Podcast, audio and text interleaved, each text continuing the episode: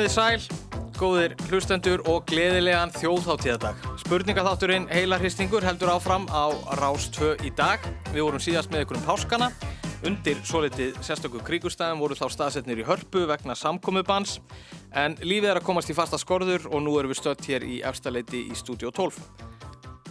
Og hér erum við sem sé komin með uh, tvölið, tveggja keppanda. Mér á vinstri hönd er Bergur uh, Ebbi, velkomin. Takk fyrir. Og með þér í liði er Birna Marja Másdóttir, mm. fjölmjölakona, gaman að fá þig. Já, takk fyrir hann. Hvað segir þið gott? Hvernig, uh, eru þið mikil þjóðatíðaböld? Uh, já. Já. Uh, það er alltaf, alltaf lífið bæ í, í, í rigninguna og Þetta er með aðeins öðruvísi sniði auðvitað núna, þetta er aðeins hérna, mm, þetta er minna um sig kannski en, en oft áður sakniði þess að geta ekki farið í alvöru uh, masseringu og fengið ykkur kandifloss og allt þetta. Mm, sko, ég þarf eiginlega bara að fá góða blöður og þá er ég bara nokkuð góð. Já, já, já. Bara, og ég held að það er verð alveg, Já, svona tweety blara, einn svona... já, eina stóra. Já, Ég er enda að mista einu sinni þannig eina út um gluggan. Heimi á mér. já ok. Þannig ég held ég skilið eina svo leiðis aftur í ár. Já, mér, líst, mér líst vel á það. Hvað eru þið annars að bartúsa þessa dagana? Uh, ég veit að byrna að þú hefur verið að, að hérna, gera þætti sem að verið að, Já. byrja að sína, eða nýbyrja er í síningu á stöð 2 er ekki? Jú, áttavilt. Það eru eitthvað, ég og Jóhann Kristof er eitthvað að sprella. Já, Annars er maður bara slagur. flækjast um landið. Já. En þú, Bergur, hvað ert að gera? ég er nú bara mest að undirbúa næsta vetur Já, Já. og bara, já, ætla bara bráðum að fara að pakka mér í sumafrí og byrja með eitthvað skemmtilegt næsta vetur. Einmitt. Uh, ég held að sumari muni koma eitthvað við sögu hjá okkur í dag í spurningunum sem eru framöndan og uh, á sagt, móti Byrnu og Bergi erum við með skemmtilegt lið. Uh, það er annars vegar Valdimar Tómasson, skáld. Gott að fá þig. Já, þakka þér. Og uh, Fanney Byrna Jónsdóttir, um svona kona Silfursins hérna á Rúf. Hvað segir þið gott? Við segjum ljómandi, bara Já. erum mjög, mjög peppuð. Það líkur bara vel á okkur. Já. Það ekki? Já. Valdimar, þú varst að gefa út bók, þú er náttúrulega verið duglegur í, í því að að yrkja og hefur gefið út marga bækur á umlinnum árum og það var að koma út ný bók sem að kannski er svona, hvað, hún er svolítið svona að fanga tíðarandan. Já, þetta er misseri. svona, ég er að yrki þarna eitt veirukvæði. Það er eh, 13, eh, 13 erinda diktur um, um, um COVID-pestina. Og svo er aðeins lengra kvæði um svona almennur heimsósómi. Um hnignun menningar og, og, og, og, og síkingu. Aha, þetta er sp- spennandi. Þetta er klassíst viðfangsefni Bjarni Borgfyrringaskald og fleiri góðir hafa eh, ort heimsóma aldarbrægi og aldarhætti. Já, Mikil þjóðatíðastemning í þessu. já, já, Já, allt hafði annan róm áður í Páadóm. já. Var ekki veiran bara eins konar bónus ofan á henni almenna heimsósama? Það er gott að fá smá bara auka krydd ofan á. Smá lag, smyrja svolítið lægja veiru ofan á ósaman. Já, veiran var náttúrulega til þess að fólk þurfti að fara að lifa einhverju síðsamlegu lífi, vera í eins og klöstur lífi og, og, og, og ekki lifa lengur á rjóma og rækjum, rauðvíni og, og rósum og, og fl- flaðri og, og daðri heldur að loka sér af og, og borða pasta og lifa eins og spörvar í sínu hotni. Já, þetta var eins og orðaðar það, þinn nýji veiruleiki okkar. Jú, En hvað segir þú Fanney? Það, hérna, nú er náttúrulega Silvið komið í sumafrí uh, og svona pólitíska argaþrasi þar með, eða hvað? Já, uh, já, já, eða svona. Það er verið að, það er náttúrulega stutt í fórsetakostningar en Silfrið er í frí, ætlar að láta, láta þær framhjá sér fara, byrjar aftur uh, í haust. En svo er ég að, að vinna hérna, skrifa handrit af öðrum þáttum sem að ég vona að, að fara á stað á næsta ári. manni virðist nú ekki ástöðar orðin ganga á melli stjórnmálamannana. Nei, það er eitthvað minn um það. Það er nú bara eins og yfirleitt, er það ekki? Jú, allt gengur eins og að vera. Það væri nú eitthvað að stjórnmálamennandi var ekki að kýta. Jú. Þá erum við Já. komin í einhvern fasist ástand held ég og þurfum að slokka í gang. Það á að vera einhver kurri í þessu alltaf. Já, já, það er ágætt. Um, en við ætlum svo sem að, fara bara að hefja leikinn núna, hvað og hverju. Þetta verður með, með sama sniði og var hjá okkur um páskana. Við ætlum að byrja á því að fara í, í svo kallaða lagaþrennu. Þannig að það verður ein lagaþrenna búrin upp á hvort lið og uh, ef að öll atriðin koma fram þá eru þrjústi í bóði.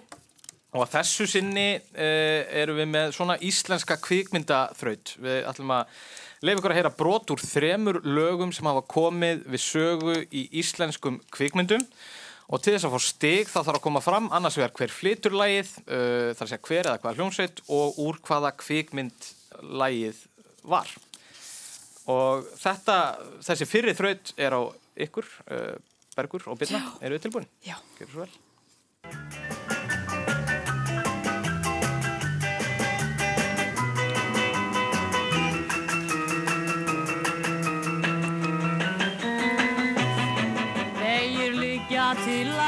Ráta, engin ræður för.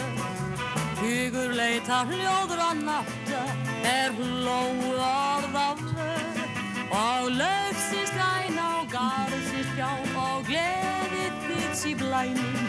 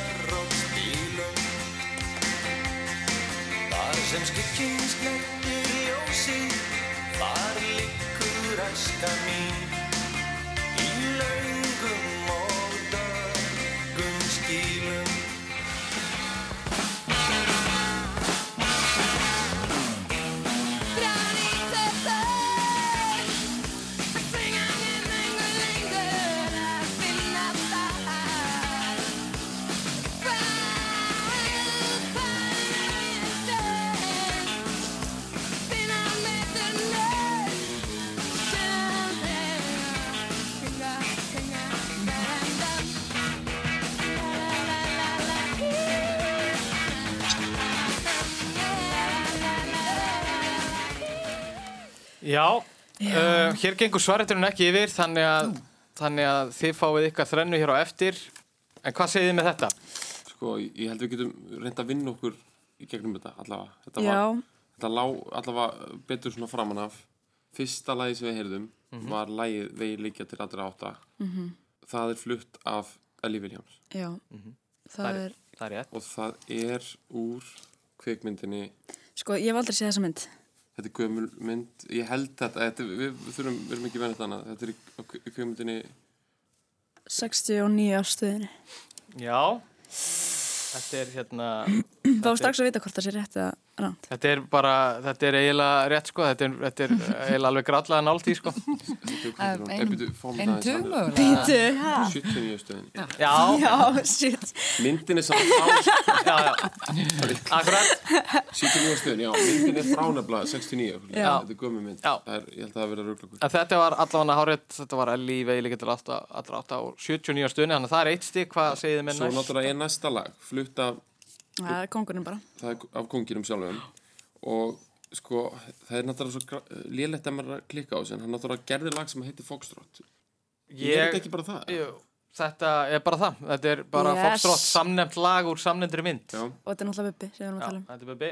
Þannig að það er tvö stík, hvað segið þið með þetta síðast? sko þar ætlum við að kontrapunta okkur eitthvað aðeins í gang hérna og horfa á svipurinn þín sko, þetta var Björk að syngja. Ég skal viðkynna að þetta var, þetta er svona þingdist er áleið kannski. og þetta var eitthvað svona early Björk uh, sem mm snemma í ferlinum en þó kannski ekki Það var ekki The Björk allavega, þú veist, þetta var bara Björk.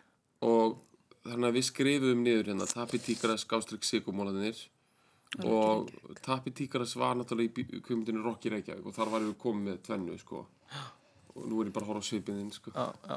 en hérna Ég held að það sé vittlust. Ég get alltaf að það. ykkur það, að þetta var Tappi Tíkaras. þetta var Tapi Tíkaras Já, ok þannig að þetta var hérna, já, þannig að við, við erum þar, en sko. við erum ekki komið myndina þetta er ekki Rocky Reykjavík Nei. þá er þetta einhver mynd, önnur íslensk mynd frá svona 80 og þessi hljómsveit Já, er bara starfandi frá 81 til 84 eða eitthvað, þetta er ekkert lengi en þetta er eina af þessum fyrstu myndum hann, Óðalfæðrana, Land og Sinir Sko, hvernig ert þú fættur? 81, Já, ok. en ég var ekki mikið að horfa á Nei, ég var-. Ég var ekki mikið heldur á þessa myndir, sko. ég var að segja hérna eða hvað, er þetta eitthvað svona Er þetta- er okkur? eitthvað?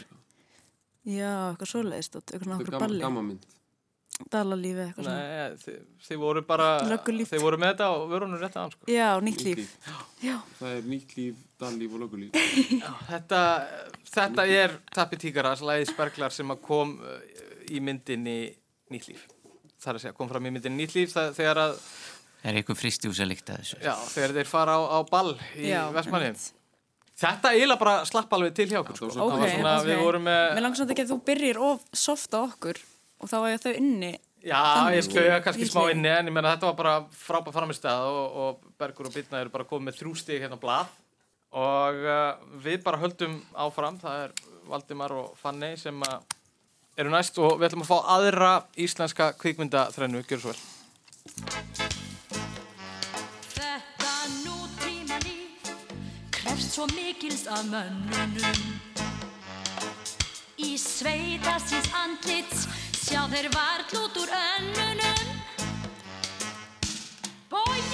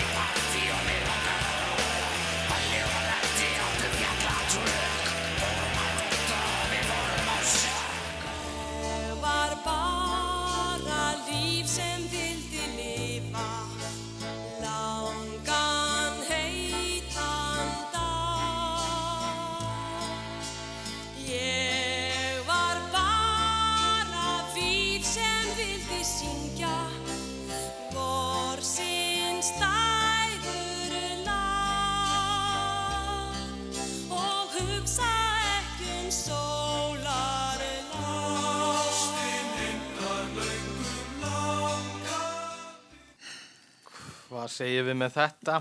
Svo vond að byrja svona aðeins auðvelda sko, heldur maður að maður sé með þetta Já.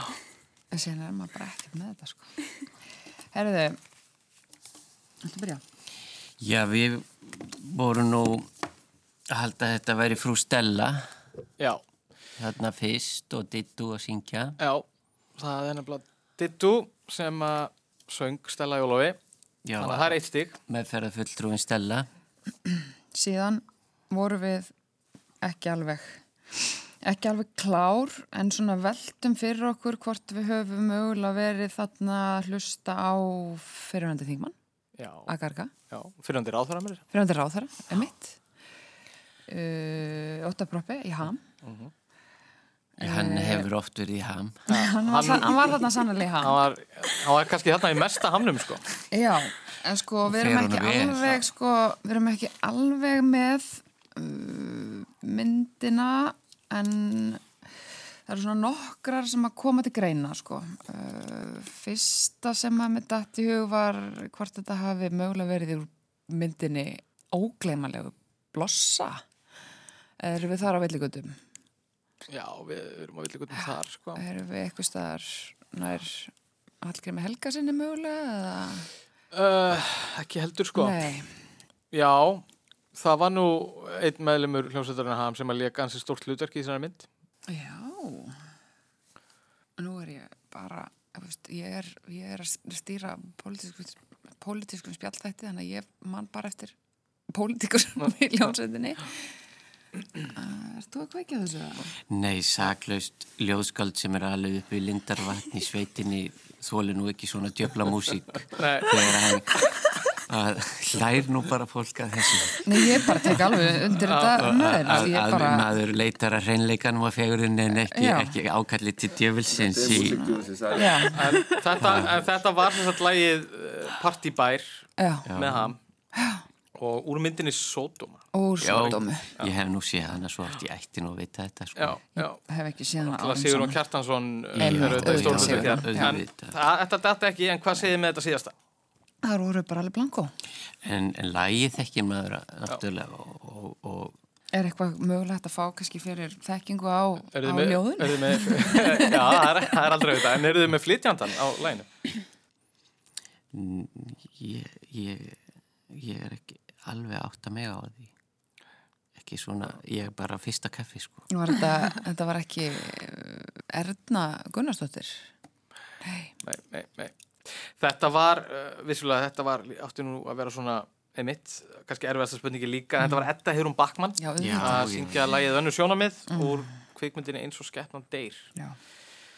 Heyriði, þannig að það er eitt stig en þá er það bara gamla klísan það er nóg eftir í potti.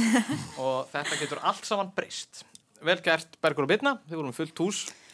En við ætlum að fara sagt í víkl spurningar núna og uh, nú breytist það á þann veg að svarrétturinn getur gengið yfir. Spurningin verður sagt borun upp á annað liðið og ef að það lið uh, sagt klárar ekki spurninguna þá getur hitt lið stólið einu stíi annars eru tvö stíi bóði fyrir víkspurningarnar Og við ætlum að, að því að við erum svolítið á þjóðlegum nótum í dag, þá ætlum við að fara yfir í íslenskar gönguleiðir, Bergur og Birna. Já, Og við spyrjum um íslenska gönguleið. Leiðin er fort þjóðleið á milli kvalfjarðar inn á þingvöllum. Hún liggur um skarð sem skilur að bottsúlur og búrfell. Gangan eftir leiðinni tekur nokkrar klukkustundir og hendar öllum göngugörpum.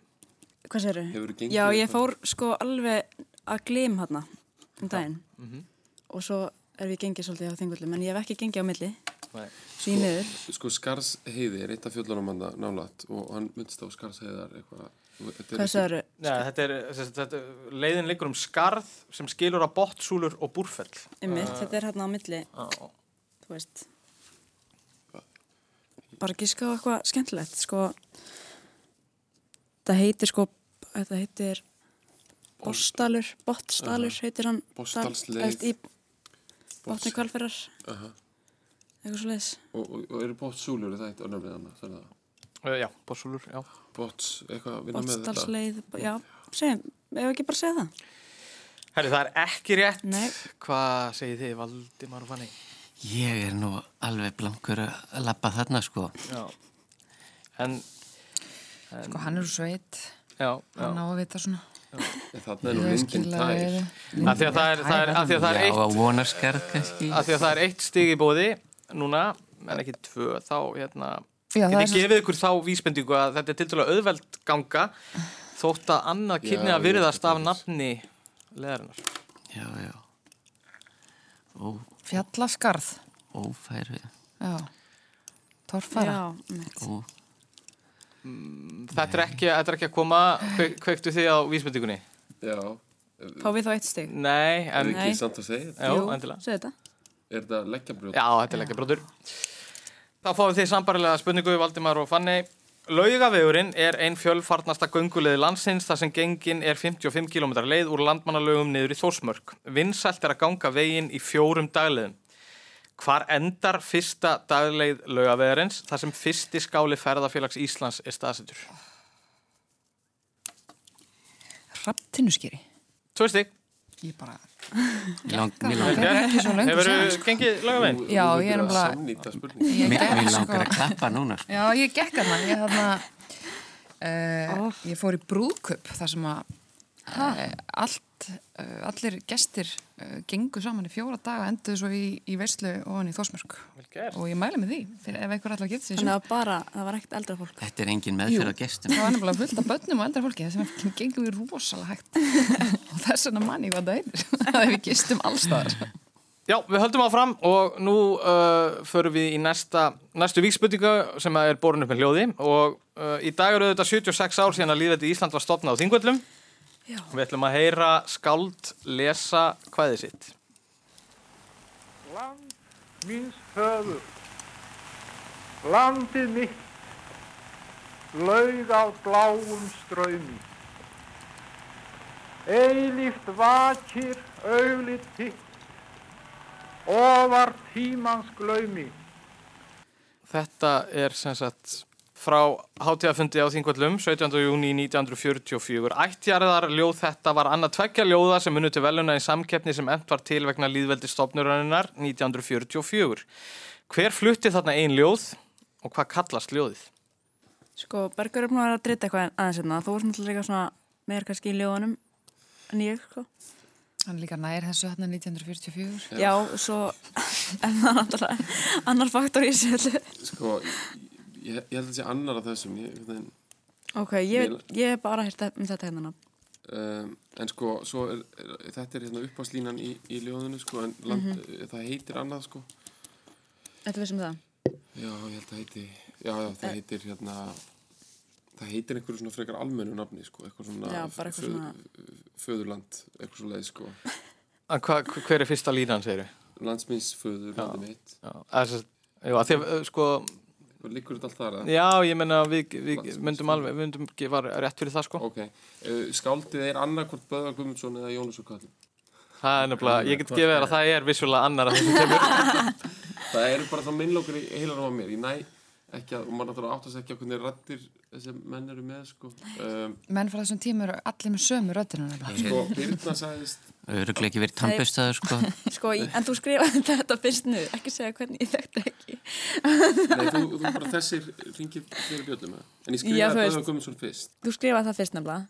Af hverju var það? að því að mér, hann, hann er uppi á þessum tíma og hann yrkir ættirarljóð, Böðvar Guðmundsson Köllum vir- vissulega líka en ég, ég myndi halda að svona Böðvar sé akkurat bara í sínu toppstandið þarna bara. Já. Hann sé bara í sína allra besta formi. Já. Já, við hérna, Við, er það loka svar? Já. það er ekki rétt. Það er því Jóhannes og Köllum náttúrulega og, og land míns föður. Ég hef aldrei hirt hann að titil á því. Nei, já, sko, við ætlum að gefa rétt fyrir landsmýnsföður en, en uh, ljóðið heit, Þjóðvísa, já. uh, það heitir einnig Íslendinga ljóð, Já, 17. Íslendinga júni ljóð, já. 1944. Þið fáið eitt stig fyrir að stela þessu og svo fáið þið núna sambarilega spurningu. Eins og áður segir unnu tvö skál til veluna 1944 og skiptu þau með sér velunafénu heilum 5.000 krónum. Sangat verlags reiknivél Hagstof Íslands væru það tæpar 500.000 krónur á núverið.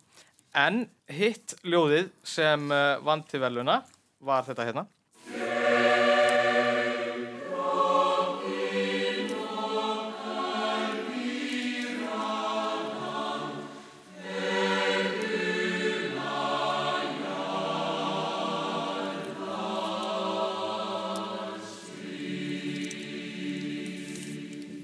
Þetta er sérst lag Emils Tórótsen við þetta ljóð. Það er þriðji hluti ljóðsins sem er langþektastur. En hvert er nafn ljóðsins og hver var skaldið sem orti? Hver á sér fegra föðurland eftir huldu sem hétt réttu nöfnu Unnur Bendistóttir Björklind. Það er bara hárið, tvö stig. Það er nú mátt ekki að þrjú á þetta sko. Já, það er Er rétt að taka fram, hann var ekki að lesa þetta upp Já. af mínu blæði. Nei, þá hafa Valdimár og Fanni tekið fórustu eftir, eftir hérna smá var- brekku í, í, í, í kvikmyndaþrönni. Ég var, ég var náttúrulega þarna á þingvöllum 44. Já, já, þessu. var alveg það Og við erum á leiðinu þangað á eftir. Heyriði, á blöðum fyrir framaríkur það stendur annars var 1 og 2 og ég ætla að byggja ykkur um að snúa í blæðinu sem stendur á 1. Þetta eru fyrri valflokkarnir og nú megið þið uh, velja ykkur uh, valflokk. Það er alveg eins og vikspurningarnar að svaret getur gengið yfir og anstæðingur getur stólið einu stíi.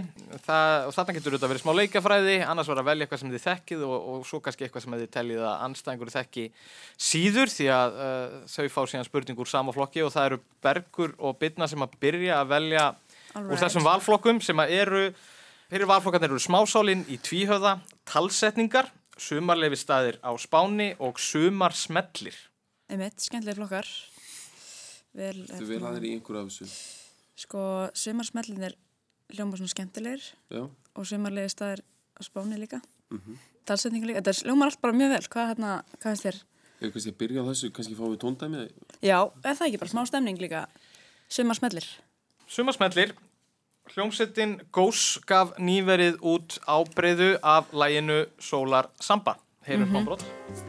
Já, viltu koma út að dansa, brúna glamsa, það er sól og sumar einu sinni enn. En hvað heita feðgininn sem fluttu lagið uppalega í söngakeppni sjónvarsins árið 1988? Þau heita Magnús og Guðja Magnús og Gauja. Já, sem sagt, það þá fullt nafn á, Það er Magnús Kjartansson já. Guðja Magnúsdóttir Þið fáið rétt fyrir þetta. Uh, þetta er Magnús Kjartason og Margrét Gauja Magnúsdóttir og þetta var reynda bræðra bandalæð hér hljómsveitin þegar hún tók þátt í söngakeppninni. Þannig að uh, það eru tvö stig. Yes. Geggjaðu sumarsmellir. Já, heldur betur. Já. Við þekkjum það. Þetta er, þið, þið fáið núna sambarilega spurningu og við ætlum að byrja að heyra smá brott.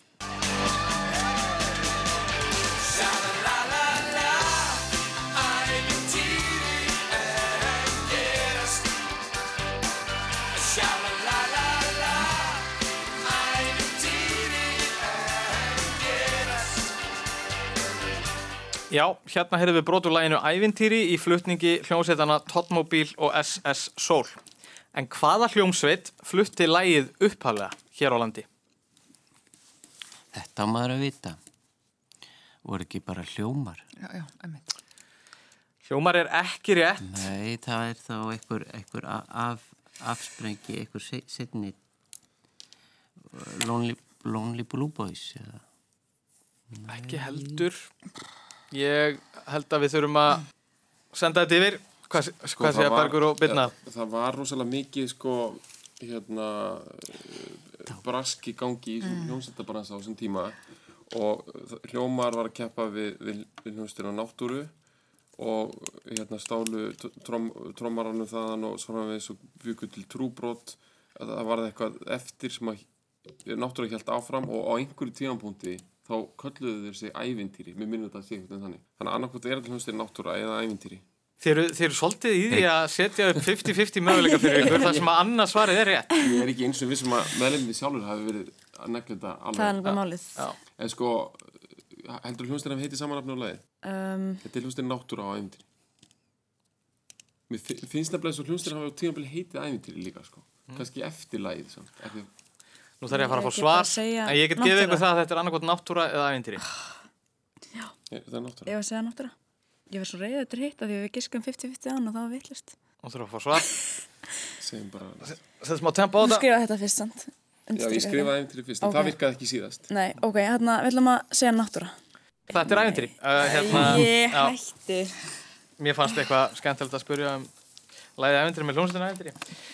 Þá er það Valdimar og Fanni, þið, þið hérna veljið næst. Eða, taka þetta. Já, já. Við erum ekki, Þetta er ekki þetta er ekki við minn ætlum, að, við ætlum að taka talsetningar. Við Já. erum líka svona nokkuð við sem þú sért með hljótað með þar og Já. það getur líka verið skemmt. Það getur verið skemmtilegt. Við ætlum að heyra brot úr teiknimynd. Yes. Hvernig vitum við að við getum treyst þessum náungaskipstjóri? Við vitum það ekki. Þessa leið, herra mínir.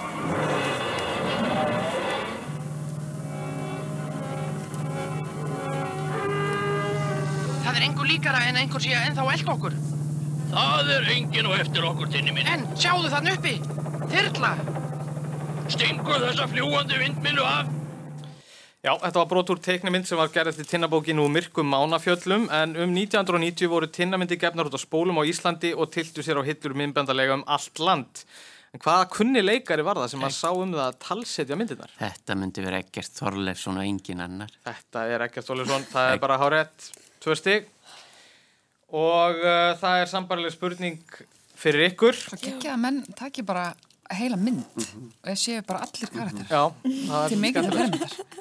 Bergur og Bitna, á tíunda áratögnum voru japanski þættir byggðir á múminálabókunum gríðar vinsælir hér á landi og voru síndir í sjónvarpi allra landsmanna. Og heyrjum smá brott.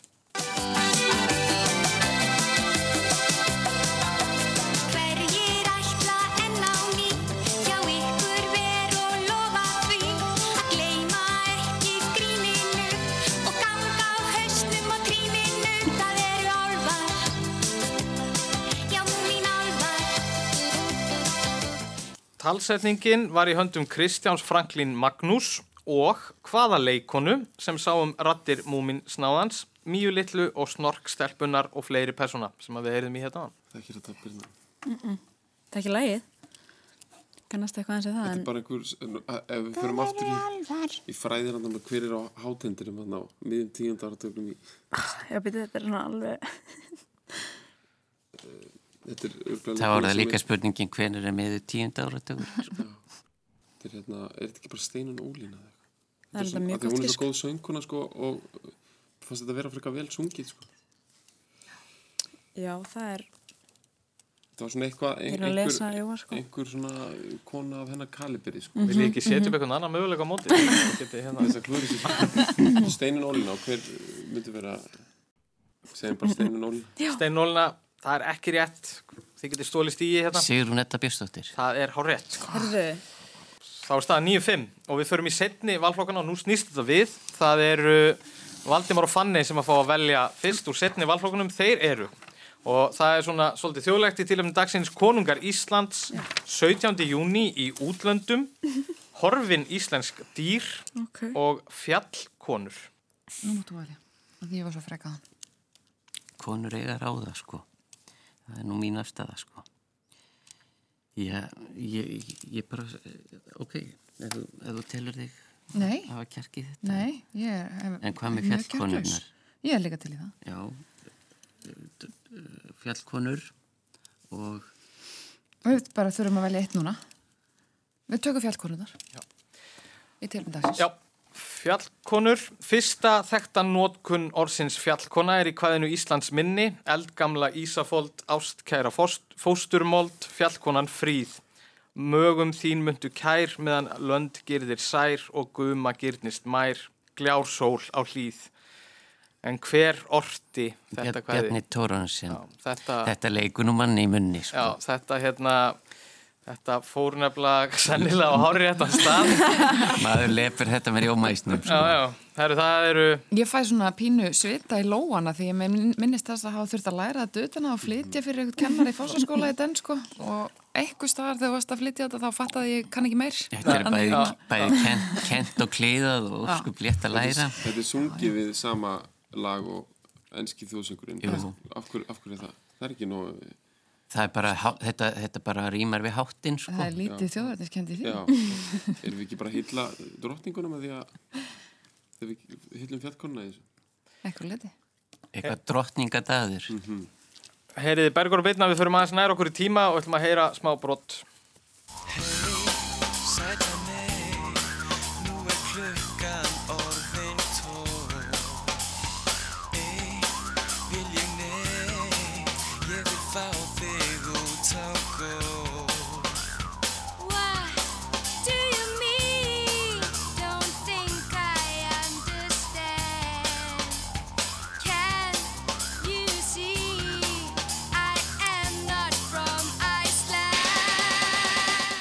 Þetta lag með hljómsveitinni Fjallkonunni var einn af smellum ásins 1995 á Íslandi en það er engin önnur en Emilina Torini sem tekur lagið með sveitinni. Hvað hétt smellurinn? Að bandi hétt fjallkonan Já, Ok, og Emilina söng og hérna, hvað heitir lagið? já, ok, hérna, við spiluðum lagið eiginlega alveg fram að viðlæginu, þar sem að hérna, titillinn ég kemur fram. man eiginlega ekki alveg eftir þessu lagi. Nei, ég meðast bara eina sem ég pikkaði upp var hann að hann talaði eitthvað svona með svona T áherslu, þá var eitthvað að byrja hver er þetta en ég var ekkert bara mikið í En læginu hérna, I'm not from Iceland, syngur hún var sungið á íslensku fyrst og svo Já. ensku? en nú heldur það að sé á ennsku namnið Ég er ekki viss. ekki viss mm, Independence Day. Já, Þú svipum tíma á myndin Independence Day er í bíó, sko. Þú séu eitthvað að ræta. Ég, Ég vona eiginlega að þú fáir rétt fyrir þetta. það er svo langsótt og ég gott. ánægð með þákagöngin, sko. Ok Þetta er hérna, með en við erum ekki að nálgast þetta neitt, sko. Nei, er það ok. íslensku titill? Þetta er uh, svona hýbrit, sko. Já. Er uh, bæði, þetta Já. er svona sletta. Sletta. Ok, bara En ennsku skotin, já, líka. Þetta er ekki að koma. Nei, Herði, viljið vilji þið reyna ykkur fyrir eitt stig, Valdemar og Fanny? Ég, þeir sletta skýrinu sem eiga það en ég er eitthvað skýrlítill núna sko. Herði, við sem bara heyra þetta.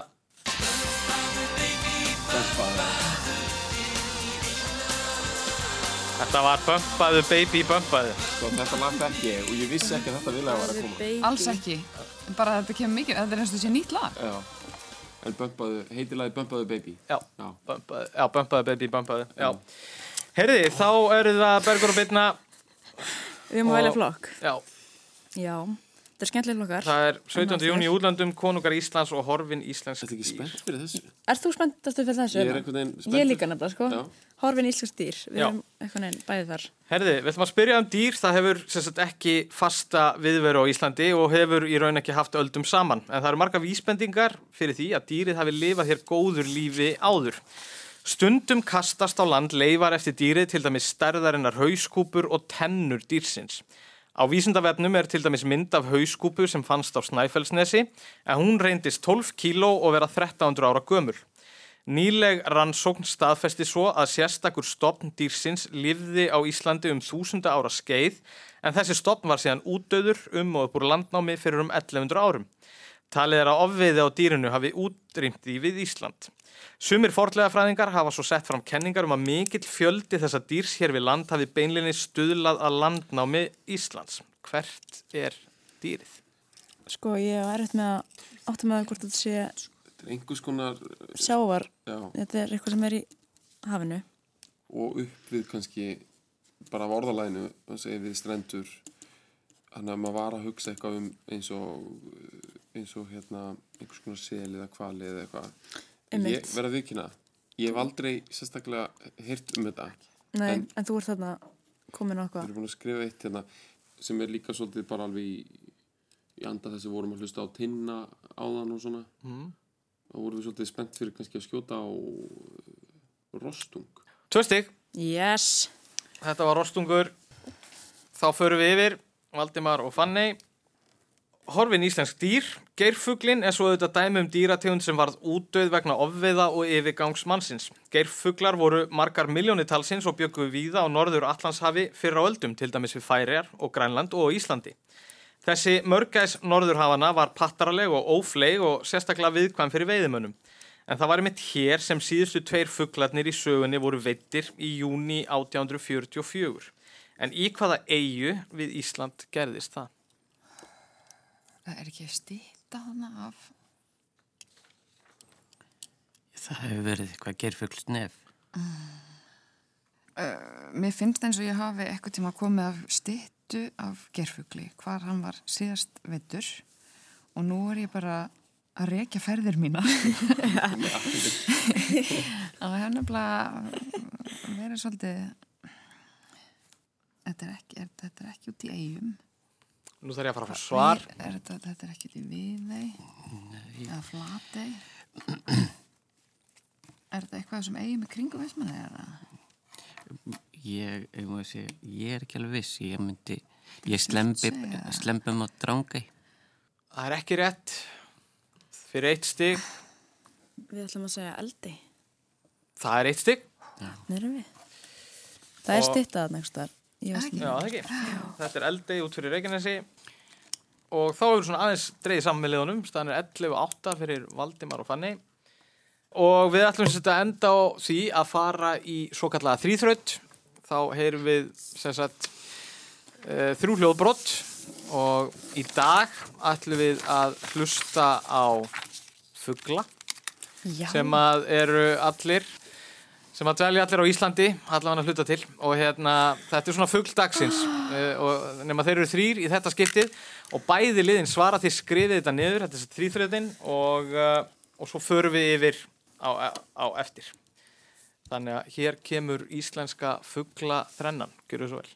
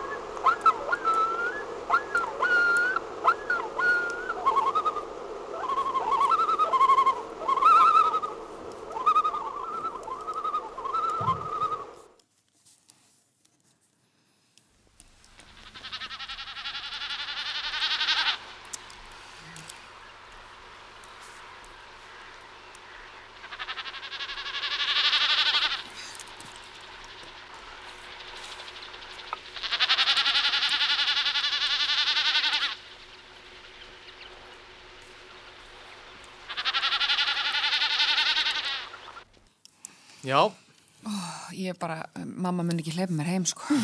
bara, þetta er nú svona fastur og klassískur liður hérna hjá Ríkisúttarpinu fugl dagsins fugl dagsins.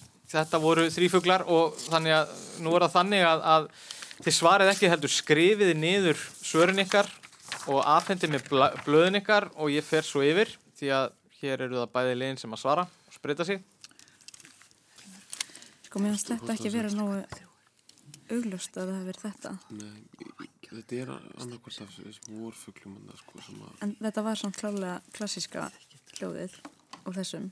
En stundum er þessi að herma eftir þessum. ok, við höfum það á Áhætt. þetta er líka eitthvað svona alveg frægur fugl dagsins sko. Þetta er eitthvað sem er margir saman. Já, þetta er eitthvað svona klassíst, eitthvað svona mating call dæmi, sko, já. Vil þessi svona glæsilega fugl, sko, þetta er hitt. Æ, ég veit það ekki. Ég er ekki með þetta. Jóhann? En þetta var Þetta ekki er svo svona... margi fuglar, maður rugglar að söllu saman, sko. Herði, Þetta er svo lit. og þá er ég búinn að fá blöðin hérna frá liðunum og uh, við spurðum hérna um þrjá fugla, það er þrjústi í bóði ef allt er rétt. Uh, Bergur og Birna segja lóa, lómur og hrossagöggur. Valdimar og Fanney segja lóa, súla og himbrimi. Fyrst heyrðum við í lóu, þannig að bæði liðnur eru með það. Svo heyrðum við í himbrima Skrifa. og svo heyrðum við í hrossagögg. Þannig að það má eiginlega segja að Valdimar og Fanny hafi aðeins hérna Í skiptis, sko. með því að sko, með því að tölusetja svörin ykkar, þá eiginlega geti ekki gefið ykkur rétt fyrir himbrimanum og þrjúa því að það var hrossagöggurinn. Það, hljóðminni er er svo augljóst. slæmt. Já, þannig að uh, þá er aðeins dreigið saman, það eru tvö, tvö stig sem að Bergur og Birna fá, það er eitt stig fyrir Valdimar og Fanny og staðan er 12-10 ára við förum í sérsviðin. Það kom þess að setni hluta keppninar, hér hafa keppendur núna allir valið sér sitt sérsvið, eitthvað sem að þau hafa sérstakann áhuga á og við berum upp fimm spurningar uh, á hvern keppanda um sitt sérsvið. Þetta eru, við byrjum á svona tveimur spurningur sem að telja svona nokkuð þægilegar, svo þingjum við þetta aðeins í næstu tveimur og svo endum við á einni sem við svona álitum nokkuð svínslega. En við sjáum hvernig þetta spilast, uh, við bara byrjum aðeins á ykkur, Bergur og Birna. Bergur, þú valdi svolítið skemmtilegt sérsvið. Já, ég valdi bíla.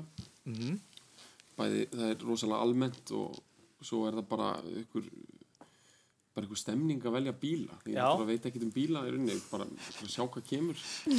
Það er alltaf gott að vit, sjá, spennandi að sjá hvaða bíl kemur. Já, spennandi og, og svo líka bara er ég að hugsa, sko, þú veist, það er svo mikið af svona sofandi bílaáhugamönnum út um allt, sko. Mér, mér finnst alltaf eins og fólk hafi meiri áhuga á bílum en það vil viðkynna. Já, og svo já, líka já. fólk sem raunverulega veit mikið um bíla og hefur áhuga mm og heyrir kannski lítið talað um bíla á í útvarpinu.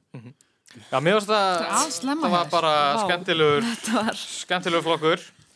Uh, Birna, þú valdir hérna, þú hefur náttúrulega verið með þætti sem heita GIM, er það ekki? Jú, ég Þannig að- valdi hérna íslenskt íþróttfólk, einhvern veginn samt svona smá stressu að fá svona trivial spurningar, svona erfiðar, hver var heimstmjöstari 1900 og eitthvað í þessu og hinnu. Þannig ég er svona, sá eiginlega strax eftir að valið hann flokk.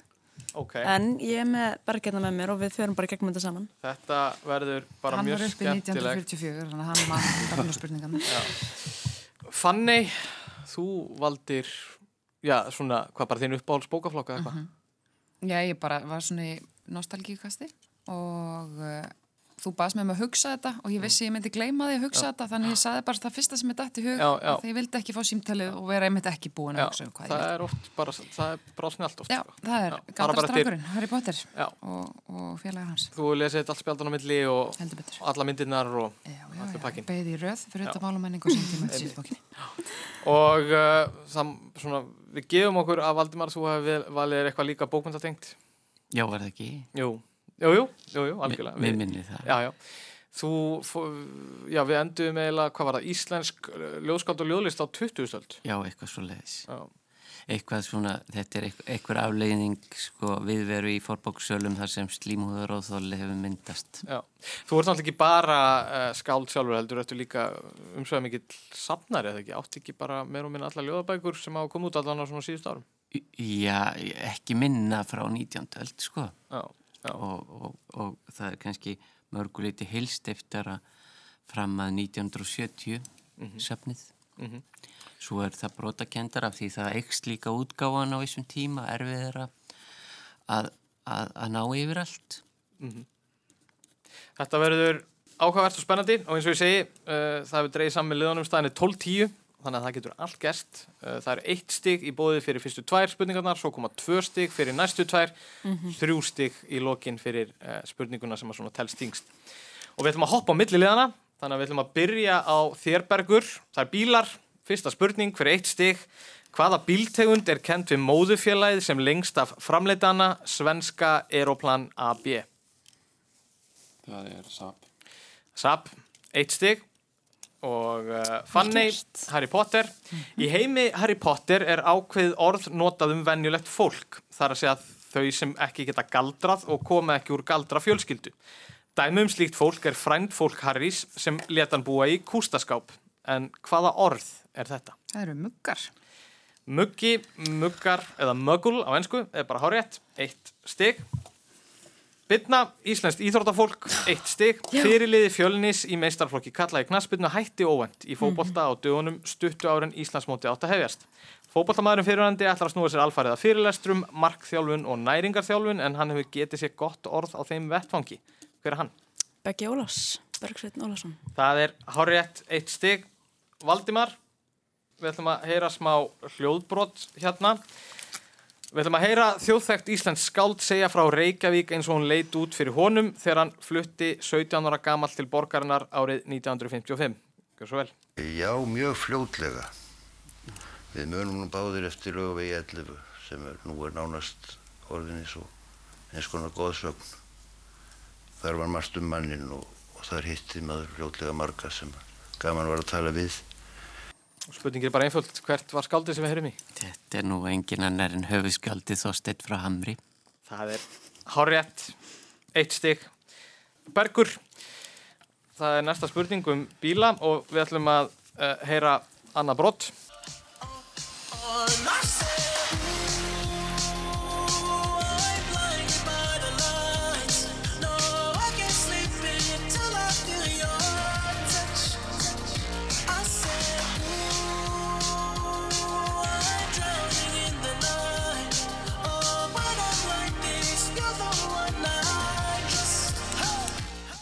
Blinding Lights með tónlistamanninum Weekend er kannski stærsti smellur ársins fram að þessu. Lægið var frumflutt í tengslum við risa auglýsingu ákveðins bílaframleðanda í upphafi ársins. Hver er framleðandi? Það er Mercedes-Benz. Það er hárétt, eitt stig og þá förum við aftur í Harry Potter. Fanny, þegar J.K. Rowling skrifaði fyrstu Harry Potter bókina stóðun á krossgötum, lifið á bótum og jafnaði sig á erfiðum skilnaði við fyrri eigimann sinn. Hún fór á kaffihús og ritaði bókina smám saman. Fornir kastalar og miðaldalegt umhverju borgarinnar sem hún bjó í veitt henni innblástur. En í hvaða bresku borg var Rowling búsett frá um 1993 til 1995 þegar hún var með handritið í skúfunni? Uh, ég veit það ekki. Hvar eru ykkur kastalar í, ykkur miðalda kastalar í Bretlandi? Þeir eru glæðt enn. Ég myndi halda það. Ég, það, það er rétt að benda á það að, að liðsfélagi má, má, má hjálpa í, í, í, í þessu uh, ef að, ef að keppandar ykkur eitthvað í vöruna þá hefur hann liðsfélaga með sér Ég tristi bara á hana. Já, ég er bara ekki með það. Þetta er kannski ekki beint úr bókafloknum sjálfum þetta er meira um höfundin uh, Nei, nei. þetta er sett ekki að koma Nei. þetta var sagt í Edinborg í Skotlandi Já. Það sem að eru þetta svona kastalar og miðaldalegt umhverfi Herri, þá er það uh, Íslands íþróttafólk fyrir eitt stig, bytna Já. Þurriður Erla Helgadóttir hefur getið sér gott orð fyrir crossfit hæfileika sína og meðal annars keft á heimsleikunum í crossfit. Mhm. En hún er jafnframt margfaldur Íslandsmeistari í annari keppnisgrein. Hver er hún? Það mun vera olimpíska liftingar. Það er eitt stig. Yes. Þá er það íslensk ljóðlist og ljóðskáld á 20. öld. Valdimar, við ætlum að heyra hljóðbrott.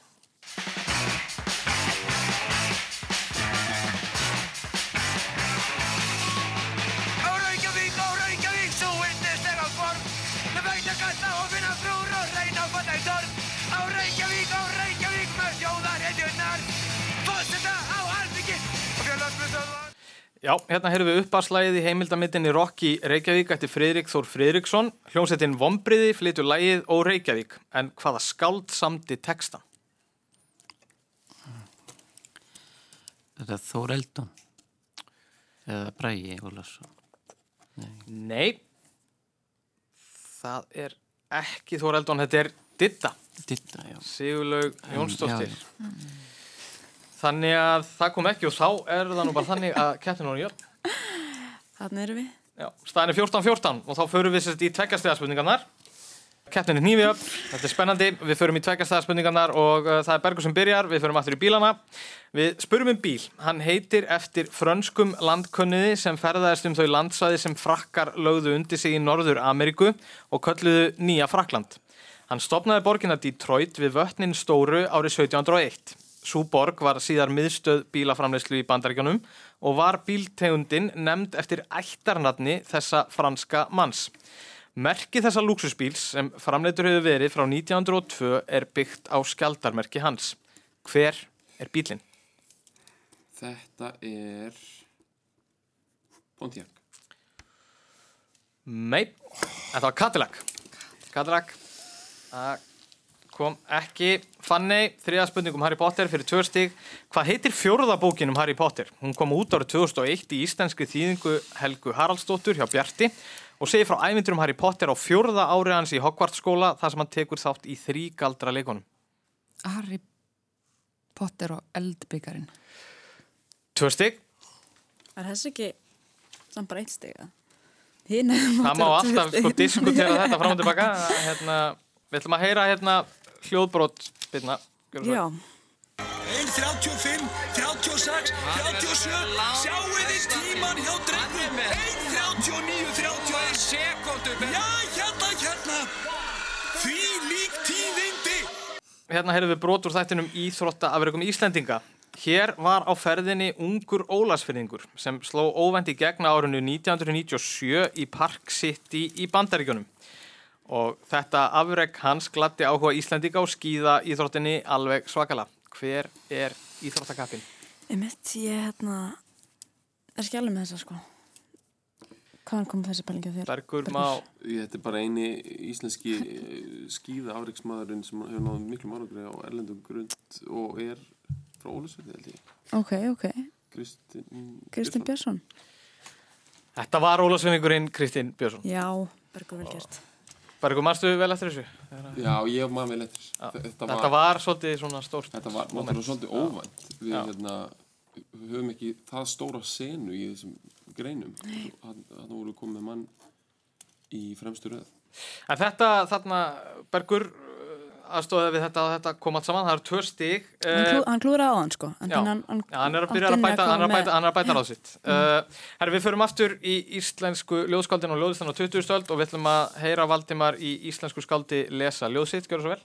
Mér dreymdi konu, mér dreymdi fjall, mér dreymdi að fjalli var kona. Ég gekk í draumi í átt til fjallsins í leitað skjóli við rætur þess. En fjallið skautaði faldi hvítum og kallt var fjúkið við rætur þess. Já, hver var þetta? Ingibjörg Haraldsdóttir. Það er bara hárétt, tvö stig. Þetta var Ingibjörg Karastóttir og að flytja einmitt ljóð sitt fjallkona. Og þá höldum við áfram. Það er Bergur fyrir tvö stig, fjóraðspurningum bíla. Í hvaða landi var hinn klassíski sendibíl Volkswagen sem Íslendingar kalla rúbröð framleitur allt til ásins 2013. En í stórborgum þessar hlýja lands má enn sjá stóran flota slíkra bíla í nótkun. Þetta er annarkvort. Þetta er annarkvort Mexiko eða Brasilia. Við erum ekki með góða, góða reynslu að þessari, þessari stöðu. Ég get gefið ykkur það að annað að þessu er rétt. Við náðum þessu einu sinni samt, við byggðum upp á svona og svo völdum við. Sko, ég er að byggja þetta á því að hérna, uh, sem sagt, frændi rúbröðsins uh, Bjallan var framleitt í þessum löndum miklu lengur heldur en í Európu Mhm. og Ameríku. Og ég held að hún hafi verið framleitt lengur í Mexiko. Ok. Uh, þau voru semst að framlega þessi bíla miklu lengur heldur en hann sér þetta sé sólríkt land, þau eru það bæði. Sagði hann eitthvað annað um þetta land? Það sagði stórborgunum mætti sjá Jú. mikið af þessum bílum. Sko, það eru stórborgir í báðum þessum löndum. Já, og svona kannski, ég veit ekki, hefur komið til. Já, ég er nefnilega komið til Mexiko og borgar og það, og það er hérna, rosa mikið af nýjum bjöllum þar. Ok. Allir leigubílarnir eru grænar bjöllur og mjög mikið af rúbröðum líka. En þú hefur ekki komið til Nei. Brasilíu. Nei. Ég bara held að segja sko- Mexíkó. Jú. Nei, við ætlum að segja, við ætlum að segja Brasilia. Við ætlum að segja Brasilia. Hvað segir þið, hvað er loka svar? Sko, hann hann var svo skrítin á svipin þegar við vorum að... Jú, ég er svona eiginlega komin á það að þetta sé Brasilia. Já. Þetta er Brasilia, það er hárétt. Við- Það er hérna heim klassíski... Við vissum þetta alveg, sko. Já, já. Það er hérna... flott, það hérna loksins datt 50-50 sensin, það er bara mjög gott og uh, við höldum áfram og við förum yfir á uh, Fanny það er fjórða spurning um Harry Potter fyrir törstig, hún er ummyndunarkennari og aðstóðar skólastjóri í Hogwarts skóla og tók við skólastjórn við andlát Dumbledores gamla skólastjóra í lok sjöttu bókarinnar. Hún er hamskiptingur og getur breytt sér í kött. Maggie Smith leikur hann í bíómyndunum, en hvað heitir persónan? Professor McGonagall. Minerva McGonagall, tvö stygg, há rétt. Og þá er það íslenskt íþróttafólk Jú, jú. fyrir tvö stygg. Ný stjarnar kom fram á sjónasviðið í frálsum íþróttum á Íslandi þegar hún var Evrópumistari 18 ára og yngri í 100 metrar hlaupi árið 2018, þá aðeins 16 ára gömul. Og í fyrra sló hún 15 ára gamalt Íslandsmet Sunnu Gestóttur í kvennaflokki í 100 metrar sprettlaupi í Mannheim í Þýskalandi. Hver er þessi hlaupadortning? Það er góðinkona mín Anita Henriks. Eða hvað? Nei, þetta er ekki Anita Hinriks. Uh, hún er í sprettlaupunum með þessi. Já, Er þetta í milli venandunum? hún er í 800. 800 metra. Hún er að færa sig niður samt sko. Já. Eða hún fær sig upp. Herði, þetta er hún Guðbjörg Jóna Bjarnadóttir Bjarnadóttir. sem er svona nýjasta stjarnan okkar í frásum íþróttum. Uh, nú ber ég bara beinfalda spurningu á þig Valdimar uh, fyrir tvö stig hvaða skáld gáð ljóðabókina Óður Einirkjans árið 1921 Það gæti verið, hafa verið Stefán Sigursson frá Hvítadal. Já, það þarf ekki að fjöla um það það var bara Stefán frá Hvítadal á rétt, tvö stig og uh, þá förum við í loka umferðina og uh, staðan er þá þannig að Valdimar og Fanni hafa tekið fórustu uh, með 21 stíi gegn átján. Það eru hins vegar heil 60 í pottunum fyrir hvert lið þannig að það getur allt gest og við byrjum á þér Bergur. Bílar, loka spurning fyrir þrjú stig. Hvaða framleiðandi ofurbíla hefur höfuðstöðvar í Angelholm á Skáni í Svíþjóð? Sérsmíðaðir bílar fyrirtækisins er á meðal þeirra hraðskreiðustu í heiminum. Eiginkona stopnandans er íslensk en hún er einn af aðstu stjórnendum fyrirtækisins. Hvað heitir þessi bílaframleiðandi? Þetta heitir hérna, þetta heitir alveg svona öðruvísi nafni. Þetta er hérna, þetta er á skáni, sko. Þetta eru luxusbílar frá Skáni í Svíþjóð. Ofursportbílar, ekki? Jú. Þetta eru ofurbílar, já. Eh, Þessir djöflar heita, við erum aðeins að... Sko, er konan hans íslensk? Já, Konan, konan stofnarnas er íslensk og er einn af sem sagt, aðstu stjórnendum í fyrirtækinu og sem sagt, hefur tekið upp nafn uh, mannsins sem að sem að, sem að bílinn er, eða bílarnir eru, eru Já, já, já. Skýrið þær eftir Já, og þetta er, er þetta ekki breyti samt? eða? Er það sví? mm, Ég myndi halda að hann væri sví, já. Já. Einmitt, ok. Ok, Svo maður er að ná eitthvað að fiska aðeins þetta. Það er eitthvað sænst. Svona Ljóndeberg. Já, hvaða uh, bílar heita einhver svona sænsku nafni? Löfgren, sportbílarnir. Veitu, ertu með eitthvað í Já, það? nefnilega. Ég bara, ég held að myndi koma, ég myndi eitthvað aðeins hita upp heilan. Þeir heita, að vera eitthvað svona er- nett, það er sko. ekki eitthvað Lind, stutt. Lindgren Lindmann. nei, þetta er samt þarna, Matti, Matti. Nei, ég verð nú að viðkynna, ég, mér, mér svona, heyrir þetta ekki vera að koma. En, en þetta gætu við róma. hérna áfram og. Herru, þessir bílar heita sér satt Koningsegg. Koningsegg og stofnandi Koningsegg. Kristján von Koningsegg sem er eiginkona Halldóru Tryggvadóttur von Koningsegg.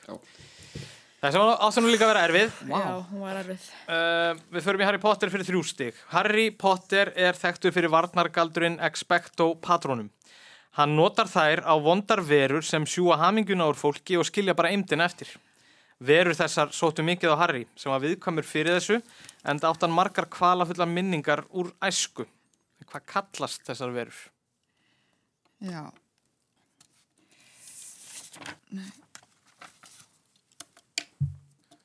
Það er kallast, getur þú lesið þetta aftur? Harry Potter er þekktu fyrir varnagaldurinn Expecto Patronum.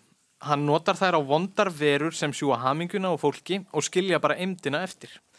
Verur þessar sóttu mikið á Harry sem var viðkamur fyrir þessu en þannig áttan margar kvalafullar minningar úr æsku.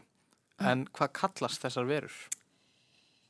Uh, nú er ég nefnilega með annað sem er að trubla þetta er eitt í hug sem var vittlust finn ekki hitt það er kallast uh, Ég sko vil ekkert vera að stressa þig en, en sett, ef þú svarar þessu rétt já, já ég veit þá, þá, Já. Rústa, þá hafið þið farið með sigur á hólmi. ég hef bara svo mikla uh, trú á valda hérna ég er ekkert að stressa með þessu uh, það heitir nefnilega ekki má ég vera uh, á ennsku eða? Ertu með svör bæðið íslensku og ennsku? Já, ég er nú með það. Það er ekki það sem að kallast Death Eaters og það er, svo- er að flækjast fyrir mér. Þetta eru, ég maður ekki. Ég þekki bara vampýru í svona Já, fræðum. þetta er reyndar ekkert ósvipa svona allavega eins og þetta er tillað. Vitsugur. Vitsugur. Eða Dementors. Ég myndi bara sugur, sko. Þá er það íslenskt íþróttafólk fyrir þrjú stig. Við verðum að geta það sko.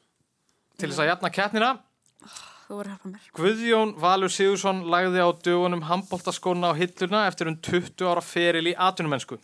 Áður leið Guðjón slá í atvinnumennsku leik hann með tveimur félögum í meistaraflokki á Íslandi. Hver eru þau? Hvaða tveimur félögum spilaði Guðjón Valur með áður en hann held í atvinnumennsku? Hann spilaði með gróttu Er það að grínast? og, nei, er það ekki, og káa. Var hann ekki val? Sko, hann, Er hann frá akkjörðri? hann spilaði með káa, það er alveg bóttið. Það er rétt. Og hann er frá Seltjarnesi, uppeldisfélagin hans er gróta. Mér finnst bara að hafa séð hann í rauði treyju. Skokkandi að hann er Valur. sko. Já. Já, En En sko, hann var Grótta- ekki Val. Grótta er uppeldisfélagin hans. Það er alveg bóttið, sko. Hann hefur, hann hefur verið einhvers konar gróttudreyging. er hann á nesinu eða? Já, hann er, hann er eh, allavega einhvern tímann hefur hann verið búsettur eða sem sagt allt með gróttu. Mm. Já, við erum ekki að tala um úrvalstild, sko. Við erum að tala um í efstu, sem sagt, eh, Já, ok, ok, Já. ok, ok, ok, ok. Ég ætla bara að gefa ykkur rétt fyrir þetta því að þetta er grótta og káa. Mhm. Og Ok. hérna, Bergur, þú, þetta var rétt hugbóð hjá þeirra. Hann væri á nesinu og hann 170. spilaði með gróttu. Ég er enda getur vel verið að hann hafi spilað í úrvalstild með gróttu á þeim tíma. Ég, hérna, held að grótta var nú með nokkuð seikt lið í handbolta. Uh, þetta líka íti bara undir dramatíkin í keppinni því að nú er staðan já, 21-21 Já. og Ekki uh, róta eiga nótt undir gróttu töngum. já, það er þetta komið spurningin sem ætlar að... Það var dauðin sótti sjáardrótt. En maður er samt alveg stressað, sko. Valdimar er ekki maður að klikka á einni temaspurningu. uh, Jú, hann klikka á dittu Já, já, ok, ok, það eru ok. okay. sínslega erfiða spurningar inn á milli, sko. og það er nú þannig að því að Valdimar er einhver mest í ljóðaðunandi landsins og þá fær hann frekar svínslega spurningu núna fyrir þrjú stig og við fengum smá aðstóð með þessa og við ætlum einfallega að spurja hver orti þetta kvæði Ég held út á torkið, ég leta pilti í hermanna klossum, snjáðum galabuxum og ripnum leðurjakka. Stóð mig svo að því að fylgja ungu manni í hvítum kubli eftir götunni til musterisins. Þegar ég hafi gengið nokkurt spöl nam ég staðar og spurði svartklættan herramann sem stóð við vegkantinn og fylgdist með fylkingunni hver er þessi ungi maður? Hann svaraði þetta er Kristur og ljóðið heitir að kveðja bróður sinn. Ég, ég er ekki viss á þessu sko. Viltu koma með gisk, á giskanir? Ég svo, svo sannarlega ekki. Eh, en, en sko hvar er, við, er eitthvað svona sirka bát í tíma sem að til langar svona eitthvað Þetta er svona símótenist. Við, við hérna sett, fengum aðstóð úr uh, bókabúðinni bókinni uh, klappstík með þetta hérna sett, þetta er úr ljóðbókinni Úranós Úranus. Úranós Úranus. Úran oss. og Þetta er, þetta er úr, það, hún er úr sko, úr þarna, já, Úranus. Ég er að reyna að fletta upp kápunni. Er þetta svo, sko, Ég held út á tóki er- í leit er þetta, er er, þetta er eitthvað svona úr, úr Ég- postmodernísku te teiminu Eitt, þarna eitt, er- sem vísbending að viðbót. Þetta er, þetta er uh, bara, sko, Er þetta eitthvað sem við hinn þrjú myndum þekkja? það, uh, Er það þetta- ég efast um, sko. Já, já. Þetta er bók frá 1997. Já. 97? Já, Já. hún er alveg... Já, já. Já, síðmóternist. Og uh, Já, já. sérst, skáldið orti stundum undir dulnefni. Ranjest konungur. Já, já. Ég svona, Eitthvað, mér dettur nú í hug sko Þór Eldon sko. En, sko, Ranjest, er það ekki einar aftur á baka? Er Ran, einar Einarsson? Einar, Einhver einar eða Einarsson? Einar ST. Steinar. Steinar, það er kannski Steinar, Steinar Sigurjónsson lifandi þarna. 97. Steinar sér... Nei, mér heyrðist þetta ekki vera að koma. Nei. Þetta er hann Steinar Vilhjálmur. Já, já. Og, uh, nei, Stein Vilhjálmur... Steinar Vilhjálmur Vilhjálmsson, Jó- Steinar Vilhjálmsson. Steinar Vilhjálmur Jóhansson. Já. Já. Ég hef nú snert þessa bók og, og, og, og les, lesið hana sko. Herði, þá þurfum við að fara bara í örstutan bráðabana og við ætlum að fara aftur í fyrri valflokkana og þar voru uh, tvær spurningar eftir og það eru Bergur og Birna sem að byrja þið meði velja spurningu. Það voru, eftir voru smásálinn í tvíhöfða og uh, Sumarleifistæðar á Spáni. sumalifistæðir á Spáni. Viltu taka... Ef við ekki bara taka tenni, Jú, sömulega staðar á Spáni. það er þetta einu staðum sem ég þekki sko en... En það er náttúrulega, Jú. jú, jú, við bara hugsa um eitthvað svona Það sé og smásálinn, eitthvað. allir þess ekki verið að spyrja þar um, um karaktera sem er að koma þar inn og ég man ekki alveg Ég veit bara mikið ekkert- þar sko. Ég hef bara ekki hlusta á það síðan í gamla dag sko. Herði, þetta... Við tökum hérna spán. Spán, sumalifistæðir á Spáni. Einn vinsalasti áfangastæðu sólþyrstra Íslendinga í gegnum tíðina er Costa del Sol en það er röð sólastranda við borgina Malaga. En í hvaða sjálfstjórnarsvæði á Spáni er Costa del Sol? Hvað heitir þetta þannig? Sko, ég veit ekki alveg. Andalusia heitir eitt, það er, við, það er endar held ég sunnalega og við erum að við sko Er þetta sunnalega, segir þau? Já, þetta er, er þetta ekki við miðarrafið, sunnalega. Síðst við miðarrafið Jú, Malaga, þetta er, þetta er, jú, þetta er sagt, við borginna Malaga Já, Þetta er bara alveg síðs, suð, sem sagt, austast á Spáni. Hér eru við í Bráða Bana í stöðinni 2021 en þetta er bara snúið sko. já, já, já, Spyrir, og, hvað, og í sko. hvað hér að þetta er? Í, ég þekk ekki neitt. Það er, jú, Sjálf... heyrðu, hvað heitir hérna sko, þetta er það sem að máranir voru. Já. Um, þetta er, þú veist, þar sem að sko í Malaga og svona eru uh, íslamskar móskur og getur þetta heit verið eitthvað, enginn nafni þann Má, Mári Mára, nei það það er ekki neitt uh, svæð á spón sem heitir Mára Ég þekki ekkert um Mar, það. Andalúsia er annar staðar, er það ekki? Að- Herru, nú þurfum við að fara að fá svar. Ef ekki bara Tíminn að giska á skortum að segja þarna. Svo gæti þetta líka verið bara eitthvað tryggkvæðstjón og þetta heitir bara Malaga hérað eða Costa del Sol Mér finnst það ólíklegt Malaga hérað. Segjum bara þetta sem þú segir en þorra beigja. Eða hvað? Ég Það er eitthvað svo leys Torravega héraði. Andalúsia Og svo lokasvar. Ha, já, lokasvarið er... Andalúsia Já. Já, þetta er. Já. Á Suðurspáni. Herri, þið fáið sambarlega spurningu og þetta er til þess að halda ykkur inn í keppninni. Kanaríeyjar hafa til eitt Spáni frá um 1400. Þar byggu áður, áður þjóðflokkar sem lítið er vitað um í dag. Sangat fornum sagnaritara voru á eigunum urmull ákveðins dýrs sem Kanaríeyjar eru kendar við. Hvaða dýr var það? Kanarifugl? Kanarifuglar? Mm, nei, Gran Canaria. þetta voru ekki Kanarífuglar. Ég, Hvernig er sko, með ef, ef að við svörum þessu rétt erum við þá að geirnagla Já, þá eru þið eiginlega búin að gera nefnilega sigurinn, sko. Ég ætla að hérna, prófum að segja eitt sem er bara hundar. Þetta eru nefnilega hundar.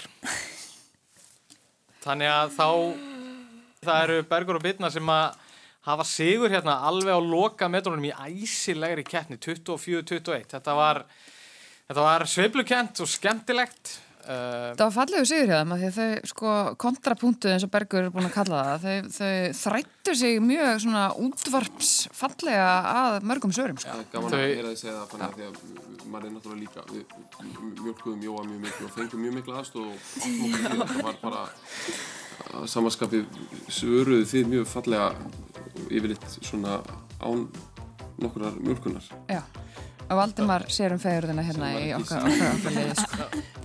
Umt er að lifa annars náð eins og það stendur. Herri, það var ótrúlega gaman að fá ykkur öll. Ég ætla bara að senda ykkur út í þjóðtíðadaginn. Segji bara njótiði dagsins. Takk fyrir okkur í dag og uh, njótiði þjóðatörunar. Góður Takk, takk. Takk fyrir okkur.